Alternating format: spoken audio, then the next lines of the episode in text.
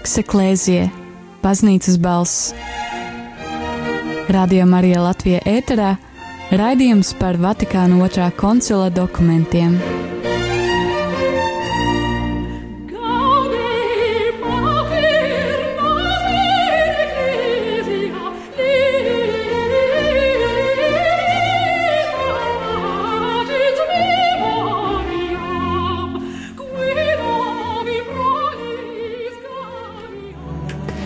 Kristus ir augšām cēlies. Darbie radio klausītāji, ir pulkstenis 5 un 2 minūtes šajā pirmdienas, 22. maija pēcpusdienā. Raidījumā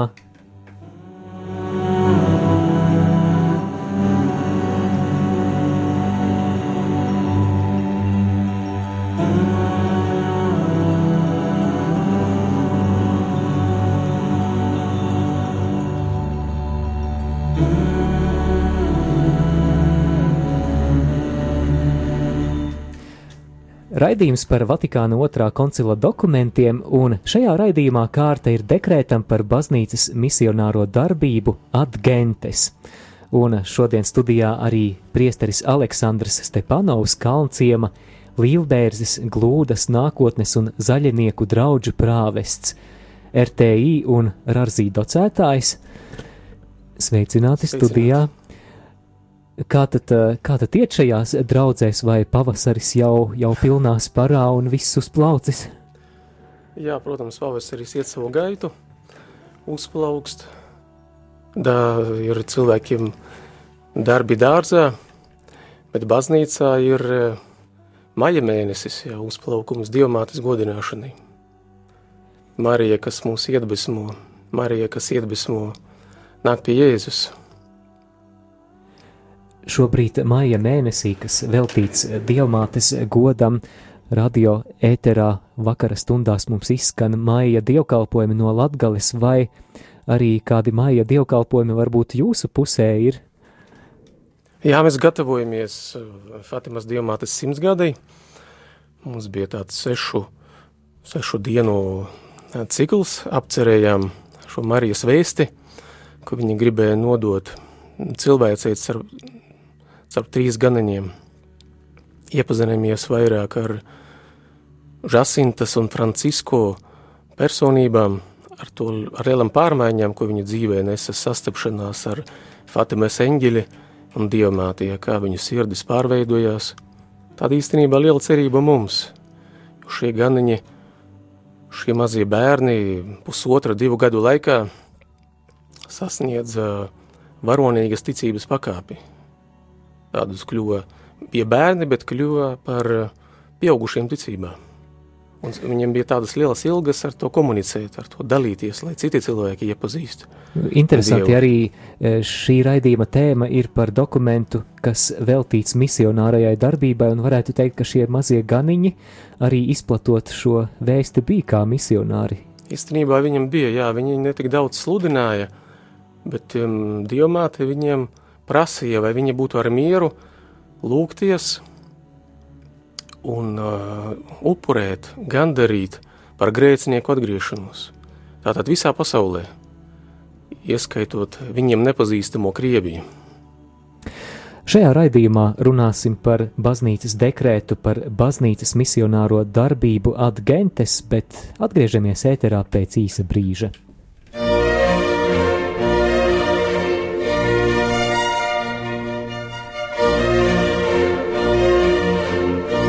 Voks Eklēzie, Baznīcas balss. Radio Marija Latvija ēterā raidījums par Vatikāna otrā koncila dokumentiem.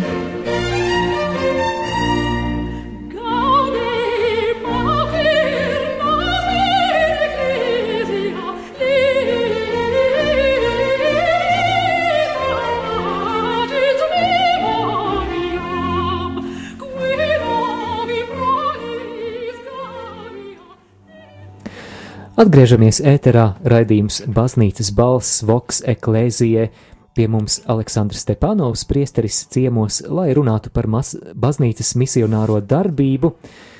Dekrēts, kuru aplūkojam šajā raidījumā, ir dekrēts Adgentes, kuru Pāvests Pāvils VI izsludināja 1965. gadā, 7. decembrī, un šis dokuments fokusējas uz misionārās darbības aspektu baznīcā, un šeit man priekšā ir arī Vatikāna otrā koncila dokumentu izdevums latviešu valodā, un atšķirot šo dokumentu atgentes, otrajā paragrāfā mēs lasām, ka svētceļotāja baznīca savā būtībā ir misionāra – jo tās izcelsme saskaņā ar Dieva tēva nodomu ir meklējama dēla misijā un svētā gara misijā.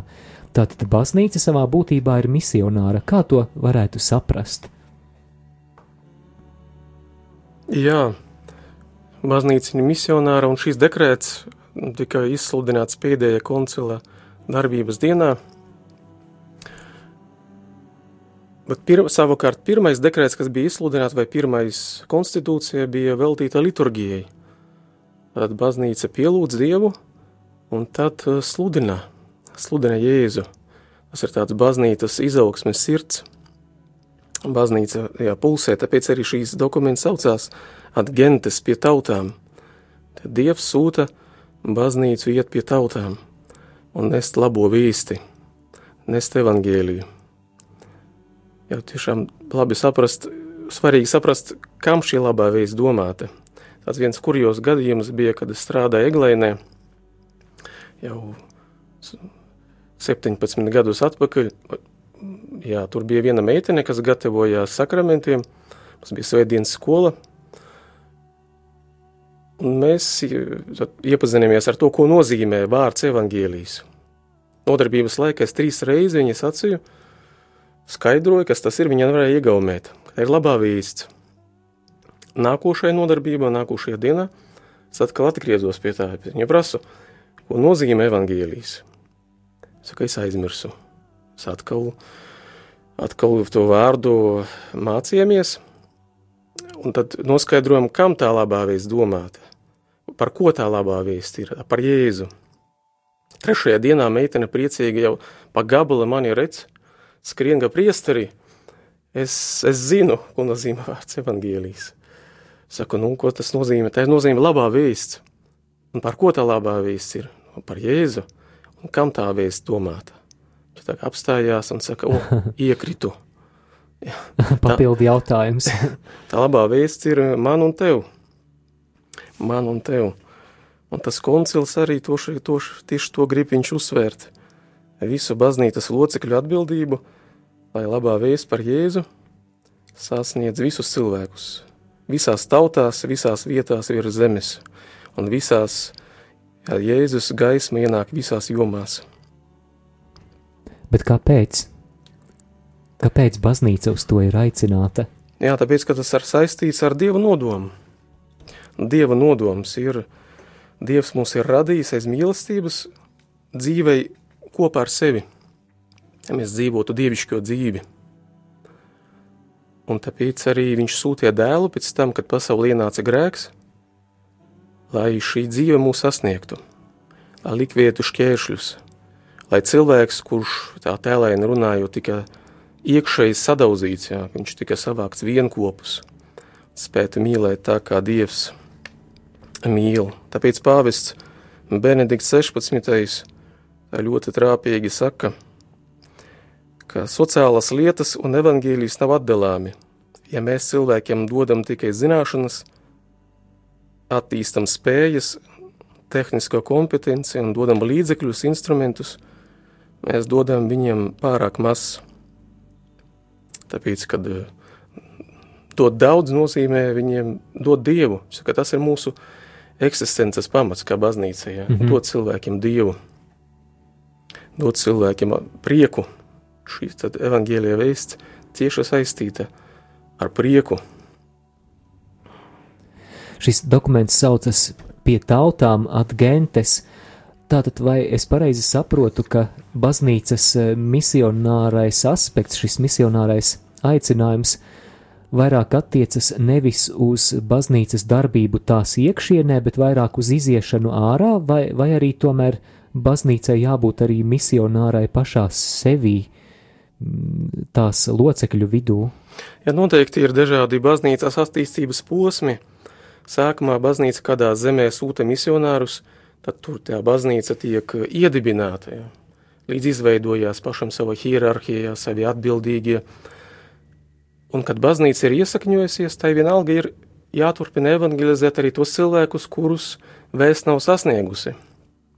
Taču arī savā starpā iekšienē vajag dzirdēt labo vīsti, būt arī ar vienu no jauna, cik Dievs mīl cilvēku, jā, cik uh, par Dieva nodomu, par viņa piedošanu. Un redzēt arī šīs liecības, kā cilvēku dzīves mainās, jā, jo evangēlijas nav propaganda.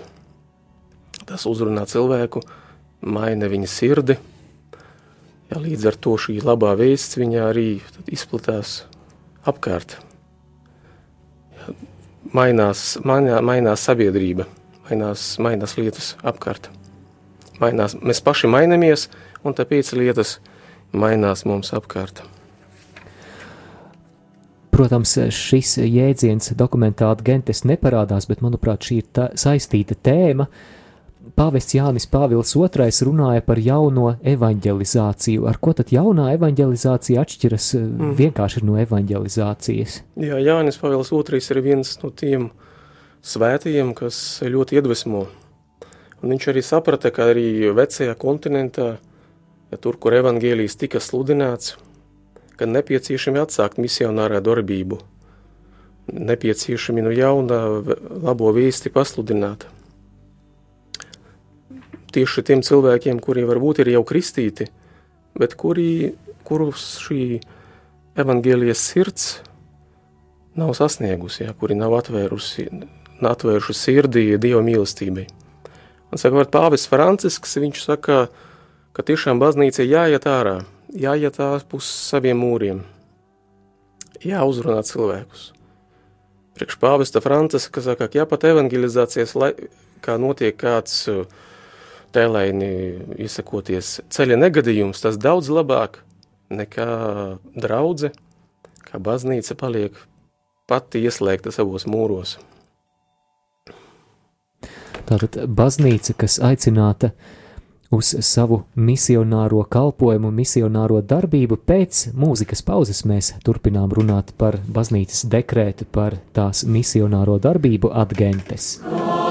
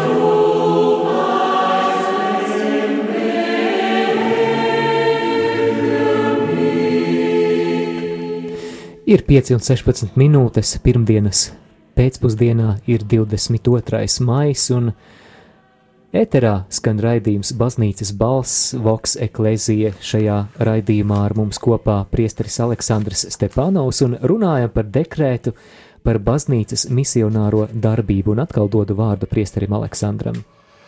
Jau šis dekrēts, viņš smeļ domu no evangēlija. Viņš baznīca atgādina to,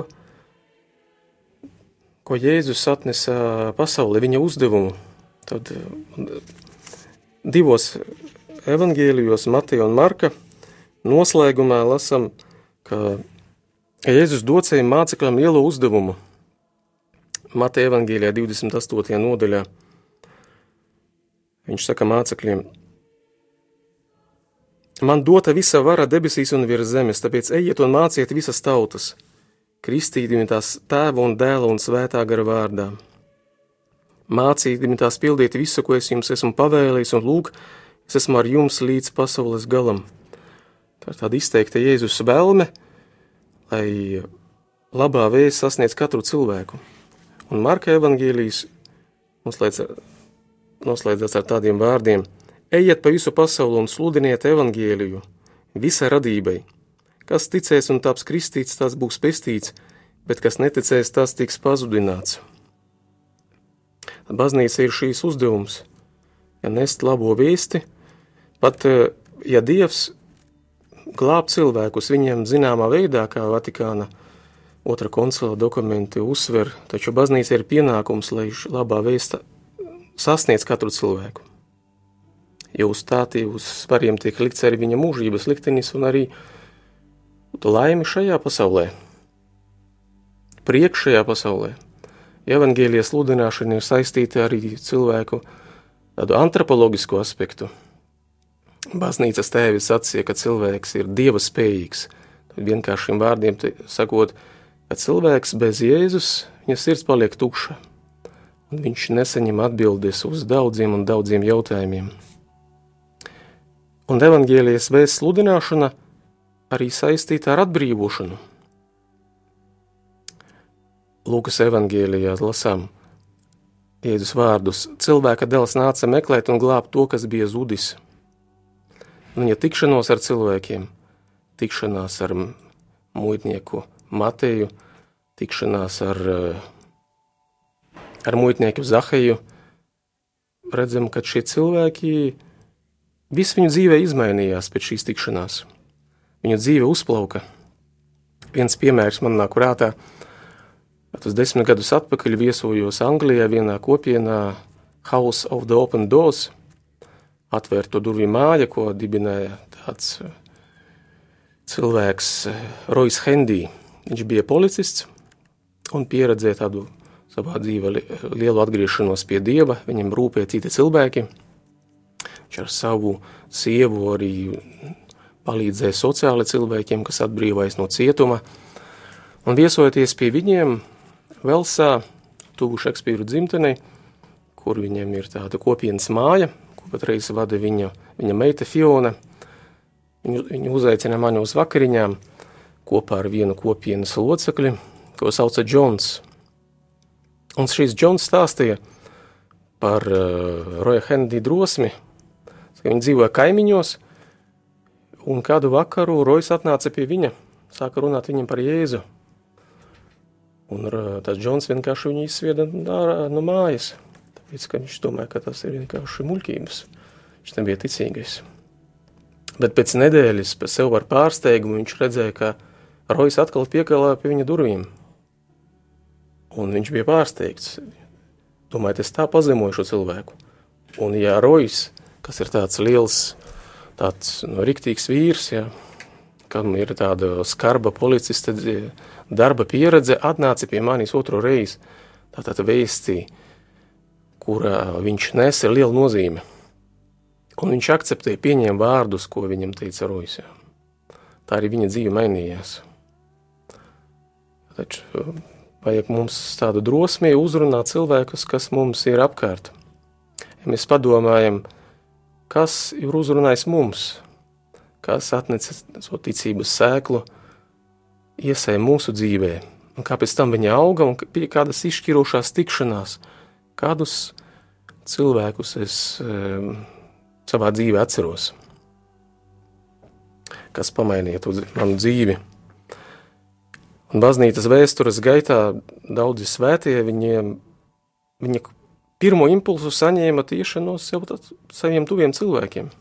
Kā tas, piemēram, notika ar vienu itāļu svēto Bartolomeo Longo, saistītu ar Pompejas dievmāti, jā, tas lielais, lielais apustulis, kas bija lais, viņš no sava maza ciematiņā aizbrauca studēt uz Neapoli, tur tajā 19. gadsimta beigās bija li liberālas vēsmas un tāds stiprs antiklerikālisms, nostāja pret baznīcu, viņš pat bija iesaistījies vairākās, pazaudējis ticību Jēzus dievišķībai, viņš iesaistījās vairākās sektās, un kas piekopa dažādus garu izsaugšanas rituālus. Mm. Un ļoti progresē tajā ceļā, taču vienlaicīgi viņš stipri izmainījies. Kāda klostera māsa, kas viņu pazina no bērnības un redzēja, kā viņš aizbrauca studēt, paskaties spogulī. Līdz kam tu esi sevi nobedis. Un viņš, kas toreiz atradās dziļā depresijā, šie vārdi viņam lika aizdomāties. Tad viņš meklēja garīgu palīdzību. Ar savu profesoru, kas bija svēts cilvēks, garīgs cilvēks, tas viņu iepazīstināja ar kādu priesteri. Tā sākās šī svētā, šī svētīgā atgriešanās ceļš. Mēs zinām, ka viņa darbība Pompejās izraisīja veselu apvērsumu. Ja. Viņš dibināja dzelzceļa staciju ja, un attīstīja ielas, ietvas dibināja bāriņu namus. Tātad vienkārši tā Pompejas sabiedrība uzplauka, jā, sabiedriska dzīve uzplauka. Ko var darīt viens cilvēks, kuru pamana cits cilvēks. Pamana cits cilvēks. Ļoti daudz tādu piemēru. Tāda aktrise Klaudija Kola, itāliešu aktrise, kura šobrīd ir liela dievu žēlsirdības lieciniece Itālijā. Viņa stāsta, ka ejot savu profesionālo karjeru, viņa nonāca ļoti sarežģītā situācijā. Bija starp dzīvību un nāvi, un tas, kas viņa deva spēku, vecmāmiņas lūkšana, ko tā viņa iemācīja. Un kāda drauga uzdāvināts krucifiks, ko viņa pakāra uz sienas – tajā sarežģītajā dzīves posmā, un vienā tumšajā vakarā viņa paņēma krucifiksu no, no, no sienas un lūdzās, lai kungs izmaina kaut ko viņas dzīvē. Atkal tie bija tādas tikšanās ar tuviniekiem, kas, kam bija drosme viņai kaut ko ieteikt, ja, pastāstīt kādu vārdu.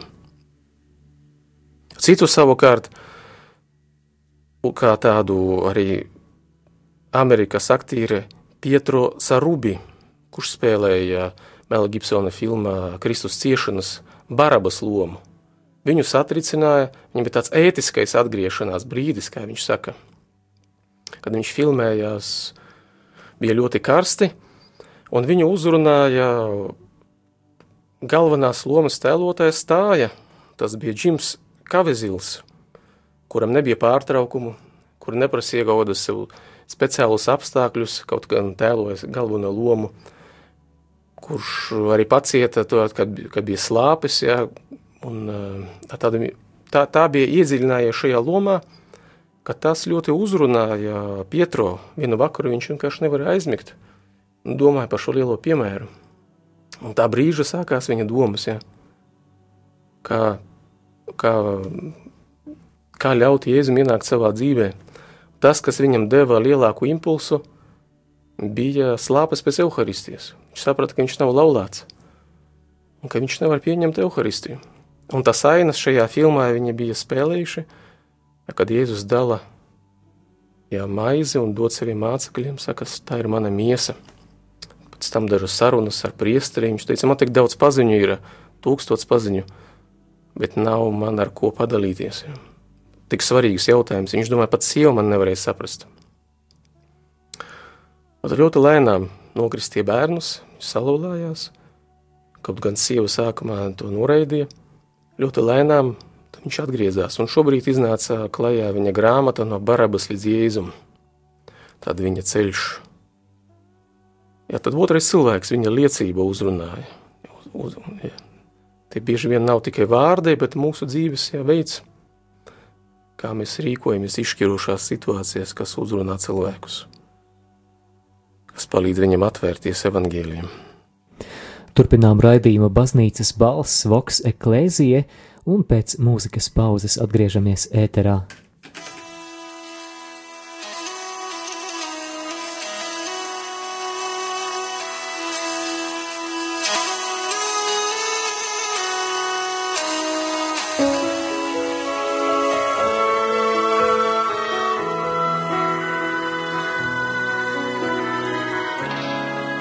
Paceļu acis uz kalniem, no kurienes man glābiņš nāks.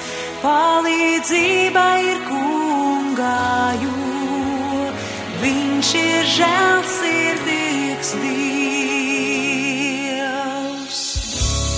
Kad maldāmies pats meklē mūs, savās rokās ceļ, savām asinīm dziedina un jaunu dzīvi dod.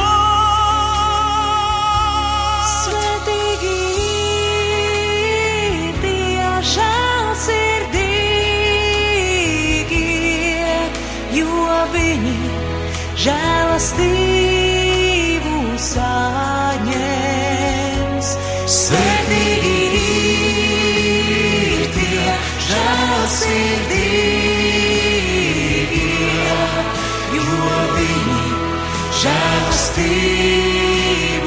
saņems. Ja kungs vainas mums nepiedos, kurš spētu pastāvēt? Taču viņš piedod, un tāpēc arī mēs piedosim, kā viņš. Svētīgi ir tie žēlsirdīgie, jo viņi žēlastību saņems. Svētīgi ir tie žēlsirdīgie, jo viņi žēlastību saņems. Raidījumā Baznīcas balss turpinām runāt par dekrētu par baznīcas misionāro darbību, un septītajā paragrāfā mēs lasām vārdus: Misionārās darbības pamatā ir dieva griba, lai visi cilvēki tiktu izpestīti un atzītu patiesību. Jo viens ir dievs un viens ir vidutājs starp dievu un cilvēkiem, cilvēks Jēzus Kristus, kas sevi deva, lai kļūtu izpirkšanas maksa par visiem un nevienā citā nav pestīšanas. Tālāk dokumentā turpināts, tātad ir nepieciešams, lai visi atgrieztos pie Kristus, kas iepazīts pateicoties baznīcas veiktajai sludināšanai, un kristībā tiktu pievienoti Kristum un baznīcai, kas ir viņa miesa. Priesteri Aleksandra, pirms brīža jūs minējāt vairākas liecības par to, kā tas ir noticis, kā kādi cilvēki ir saņēmuši caur šo misionāro darbību, evaņģēlīja vēsti un arī atsaukušies, un cik es zinu, jums ir vēl kādas liecības, kurās varat padalīties. Jā, mm, tas ir tieši to, to, to, ko to Māra izlasīja dekrētā. Tā šeit ir dieva griba, lai visi cilvēki būtu izpestīti. Ir pamatā, ir pamatā labas vēsts sludināšanai. Tā tiešām maina, maina sirdis, un tad, kad mēs pataupām šo labo vēsti priekš sevis, ja mēs esam to saņēmuši, jā, un zinām ceļu, tad mēs, var teikt, laupam milzīgu labumu no citiem, ja mēs to nesludinam. Milzīgs labums tiek viņiem nu, nevis atņemts, bet nav dota iespēja iepazīt, tāpēc, ka katram cilvēkam ir tiesības dzirdēt labo vīsti. Vienmēr uzrunā vairāk nekā, jo dekrēts viņš, viņš saka to, kas baznīcai, baznīca ir svarīgi, jā. kas baznīca, ar ko baznīca dzīvo. Bet cilvēku dzīve viņa un svēto dzīve atklā, kā šīs vēsts tika iemiesota. Un Jēzus, kad uzsāk savu publisko darbību, viņš saka, Kunga gars ir pār mani, Lūkas 4. nodaļa, 18. pants, tāpēc viņš mani svaidīja un sūtīja sludināt evaņģēliju nabagiem, dziedināt tos, kam satriekta sirds, cietumniekiem pasludināt atbrīvošanu akliem redzi, nomāktos palaist brīvībā, pasludināt kunga žēlastības gadu. Tātad Jēzus, Jēzus labās vēstures pasludināšana maina cilvēku sirdis. Tāpēc arī Pāvils saka tādus vārdus vēstulē kolosiešiem. Pirmajā nodaļā, 12. un 13. pantā.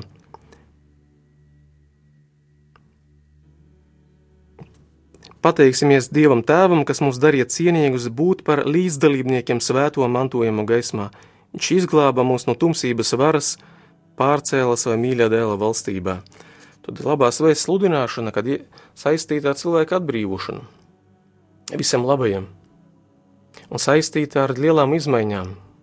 To, ka iepriekš pat nevarēja noteikt, tā ir rakstura īpašība, pie kuras negatīva, pie kuras cilvēks ir pieradis, un tā bija saistīta ar uh, ar viņa atvērtību ļauniem spēkiem.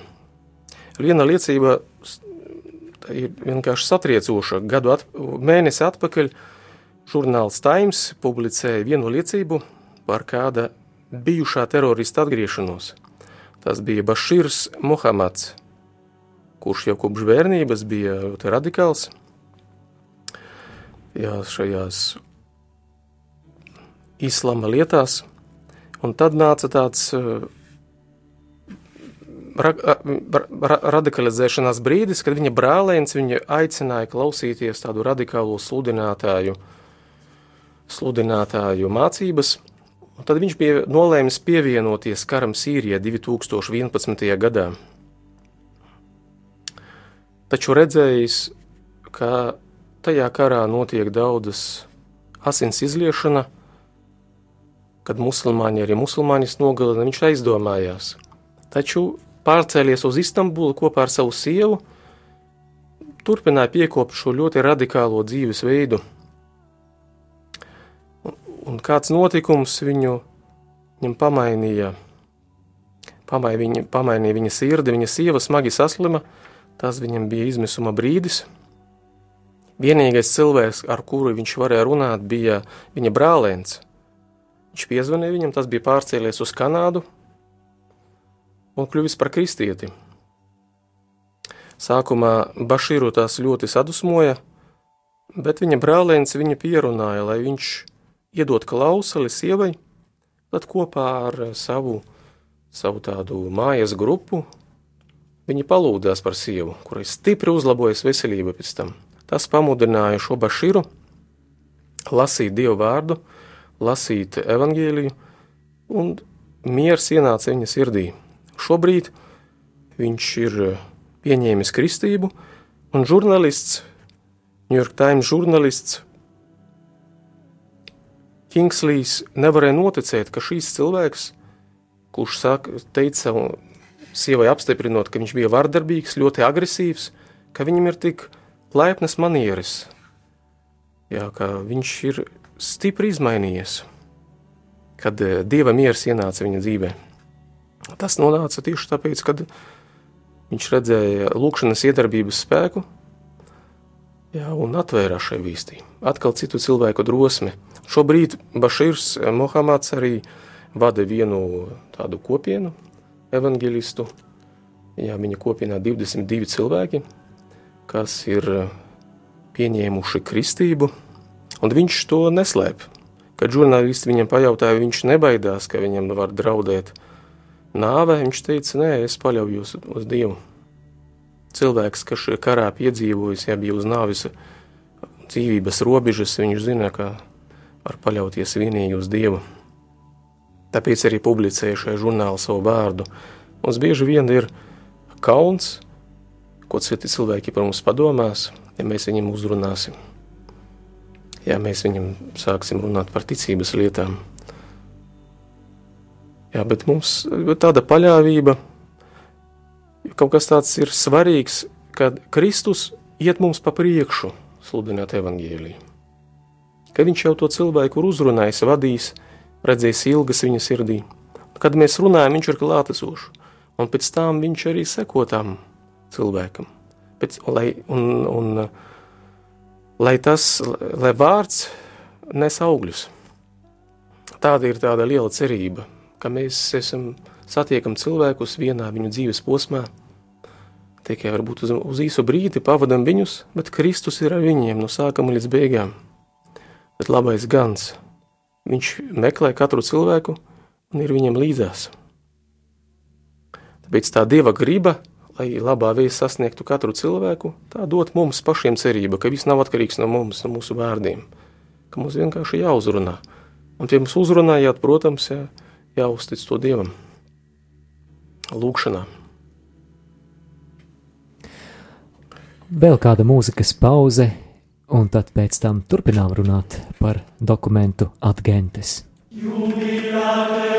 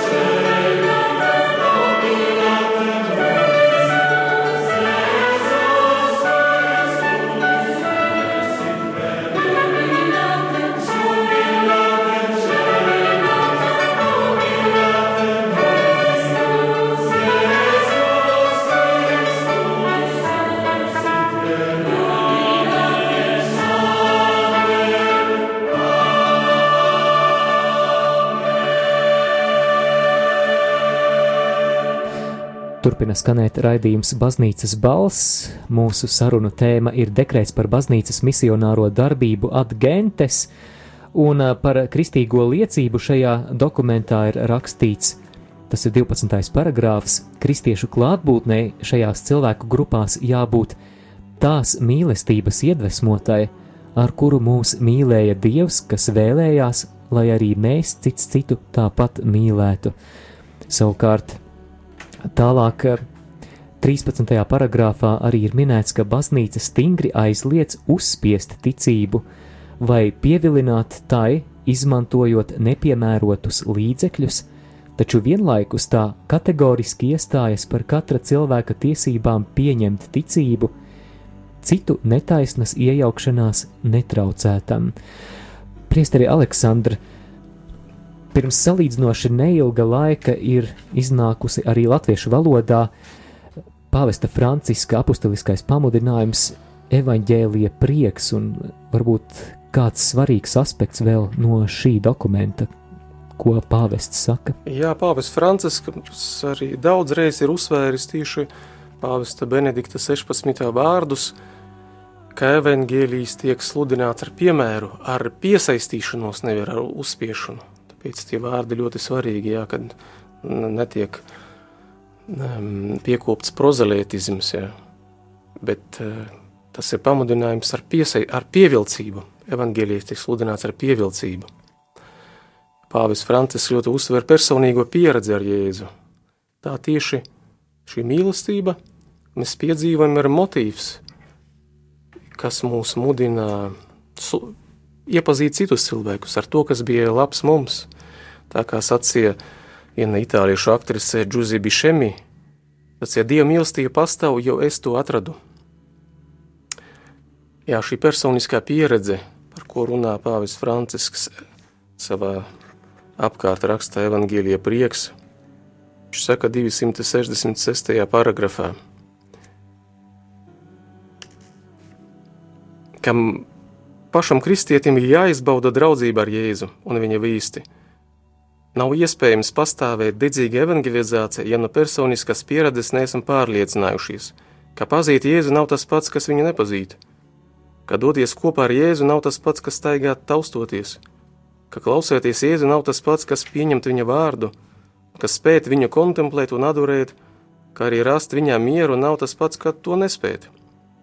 Censties veidot pasauli ar viņa evaņģēliju nav tas pats, kā to darīt balstoties tikai uz savu pašu prātu. Pāvis turpina: Mēs labi zinām, ka kopā ar Jēzu dzīve kļūst daudz pilnīgāka un ir vieglāk atrast jēgu visam, tāpēc arī mēs evangelizējam. Ja mūsu paša lūkšana dzīve, ja ka mēs barojamies no šīs klātbūtnes ar kungu un viņa vārda, mums dod jā, spēku un interesi lai viņa vēsts sasniedz citus cilvēkus. Varbūt arī ļoti palīdz mums pašiem tādi mazie žesti. Nevajag domāt, kad jāiziet uz ielas, uz, tī, uz tirgus laukuma, jau jāsāk darīt bībeles. Un tie kaimiņi, kas mums apkārt, nesen viena sieviete sacīja, ka viņa nav uzaugusi padomju savienībā un baznīca viņu nepazina, vecāki viņu neiepazīstināja, ka viss, un tad viņai nebija drosmes tur iet, bet viņa kaimiņiene, viņas kaimiņiene, kas apmeklēja pareizticīgo baznīcu, paņem viņa līdzi, un tā viņa parādīja ceļu. Tad ļoti svarīgi mums vienkārši uzrunāt cilvēkus, uzaicināt, parādīt ceļu, uzdāvināt grāmatu dzimšanas dienā. Un visu uzticēt Dievam lūgšanā, nest šo cilvēku lūgšanā.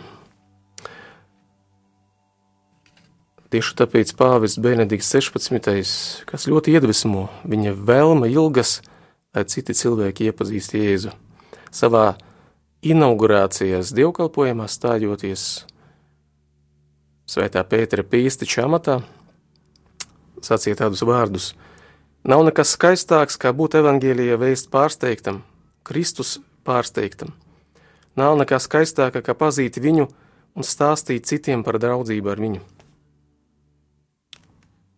Varam šo domu paņemt sev un piesavināt, jā, padarīt par savu. Es vēl priesteri Aleksandra vēlējos jautāt, tā kā šī dokumenta ceturtajā nodaļā ir īpaši runāts par misionāriem. Vispirms es nolasīšu fragment no 23. paragrāfa, un tad arī būs jautājums. Kaut gan pienākums izplatīt ticību atbilstoši savām iespējām attiecas uz katru Kristus mācekli, Tomēr Kristus kungs vienmēr no savu mācekļu vidus aicina tos, kurus vēlas, lai tie būtu ar viņu un lai tos sūtītu sludināt tautām. Viņš ar svētā gara starpniecību, svētais gars pēc savas izvēles izdala harismas kopējam labumam, atsevišķi cilvēku sirdī rada misionāro aicinājumu, vienlaikus baznīcā radot institūtus, kuri visai baznīcai uzlikto evanģelizācijas pienākumu uzņemas kā savu īpašu aicinājumu. Tātad sākumā šeit bija minēts, ka katrs kristietis tādā plašākā nozīmē ir aicināts būt par misionāru, bet ir arī cilvēki, kurus Dievs īpaši aicina, un arī viņi tad īpaši tiek nosūtīti projām no savas dzimtās zemes, dodoties iespējams uz kādu zemi, kur viņus gaida dažādi izaicinājumi, jāapgūst valoda, uh, jāpieņem šī jaunā vide. Jautājums, vai vietējās baznīcas sūtot uz citām zemēm šādus misionārus, piemēram, priesterus vai varbūt kādas konsekrētās personas, vai tādējādi vietējā baznīca nenodara zaudējumu sev, jo mēs zinām, ka um, nemaz tik daudz arī garīdzniecības nav un tiek runāts par aicinājumu krīzi, un vai tas nav pārāk radikāli atdot kādus kalpotājus no savas baznīcas, no savas zemes, lai viņi dotos kaut kur citur kalpot. Jā, tas ir aicinājums ļoti īpašs, ko kungs ieliek cilvēka sirdī. Tas notiek, jā, notiek tāda apmaiņa starp misionāriem, tāpēc, ka baznīca un urvisāla katoliska, tā ir mācekļi visās tautās, notiek tāda asinsrite, un tāpēc arī no citām zemēm cilvēki atbrauc pie mums. Vai tikai, tikai vakardien mūsu draudzē viesojās žēlsirdīgas kongregācijas māsa Serafina, ja, kurā kalpoja Kazahstānā, Uzbekistānā. Tad arī kā kāds no latviešiem tieši, kas ir devies, jā, kalpot um, citai, citā pasaules malā. Jā, tāpēc, ka kungs, jā, var teikt, arī var attiecināt uz tādiem cilvēkiem vārdu, Jēzus vārdus nav pravieši savā dzimtenē. Pēc misi, misionāra kalpošana uzliek dot tādu spēku un dot arī, jā, dot augļus. Dot augļus. Tāpēc, ka aizmugurēja šī Dieva griba. Nostiekt asins rita, noteikti, noteikti tā, tas tikai bagātina vietējās baznīcas, kad notiek tāda misionāru apmaiņa, ka mēs lūdzamies viens par otru. Atceros, kad studēju Romā, satiku vienu indijas priesteri, kas sacīja, jā, tu esi no Latvijas. Es atceros, mans draugs prāvests ir lūdzies par Latviju, tad, kad tā bija okupēta. Oh. Mm -hmm. Viņam bija, viņš jau bija sirms, un tāpēc arī ir labi lūgties par citiem misionāriem, citās pasaules malās vai citās tautām, kuras cieš, kuriem nav brīvības sludināt evangēliju, ja mēs to visu pieredzējam. Mēs varam arī Dievam būt pateicīgi par tiem misionāriem, kuri darbojas Latvijā, par tiem priesteriem, kuri no citām zemēm Jā. ir ieradušies, lai kalpotu mūsu draudzēs, un tādējādi mēs paši varam baudīt, ko nozīmē šīs baznīcas misionārās darbības augļi un svētība. Mm. Raidījums ir pietuvojies savam noslēgumam, un priesteri Aleksandres, es lūkšu uh, noslēgt raidījumu ar kādu lūkšanu. Jā, paldies, kungs, par šo aicinājumu. Pasludināt labo vēsti mūsu tuviniekiem. Paldies, ka tu pats maini mūsu dzīvi. Liec tik lielu mīlestību uz citiem cilvēkiem, lai tavs, tava vēsts viņu sasniegtu. Lūdzu, liec mūsu sirdīs šīs ilgas, lai tās tava vēsts aizsniedz citus cilvēkus, kuri mums dzīvo līdzās, kuri dzīvo tālu no mums. Nāc šajās sūti svēto garu, lai tās mūs pārveido, jo bez svētā gara, ja evaņģēlijas ir tikai doktrīna, Dievs ir tālu, dievkalpojums ir nasta, lūkšana ir pienākums, bet tavs gars atdzīvina visu, dot mūsu baznīcai jaunu elpu, kungs nest evaņģēliju līdz pasaules malām. Tā lūdzams ar Kristu mūsu kungu. Āmen! Darbie klausītāji, paldies, ka klausījāties, un liela pateicība priesterim Aleksandram Stepanovam, Kalnciema, Līvbērzes, Glūdas nākotnes un zaļinieku draugu prāvestam, kā arī Rīgas Teoloģijas institūta un Rīgas augstākā reliģijas zinātņu institūta docētājam.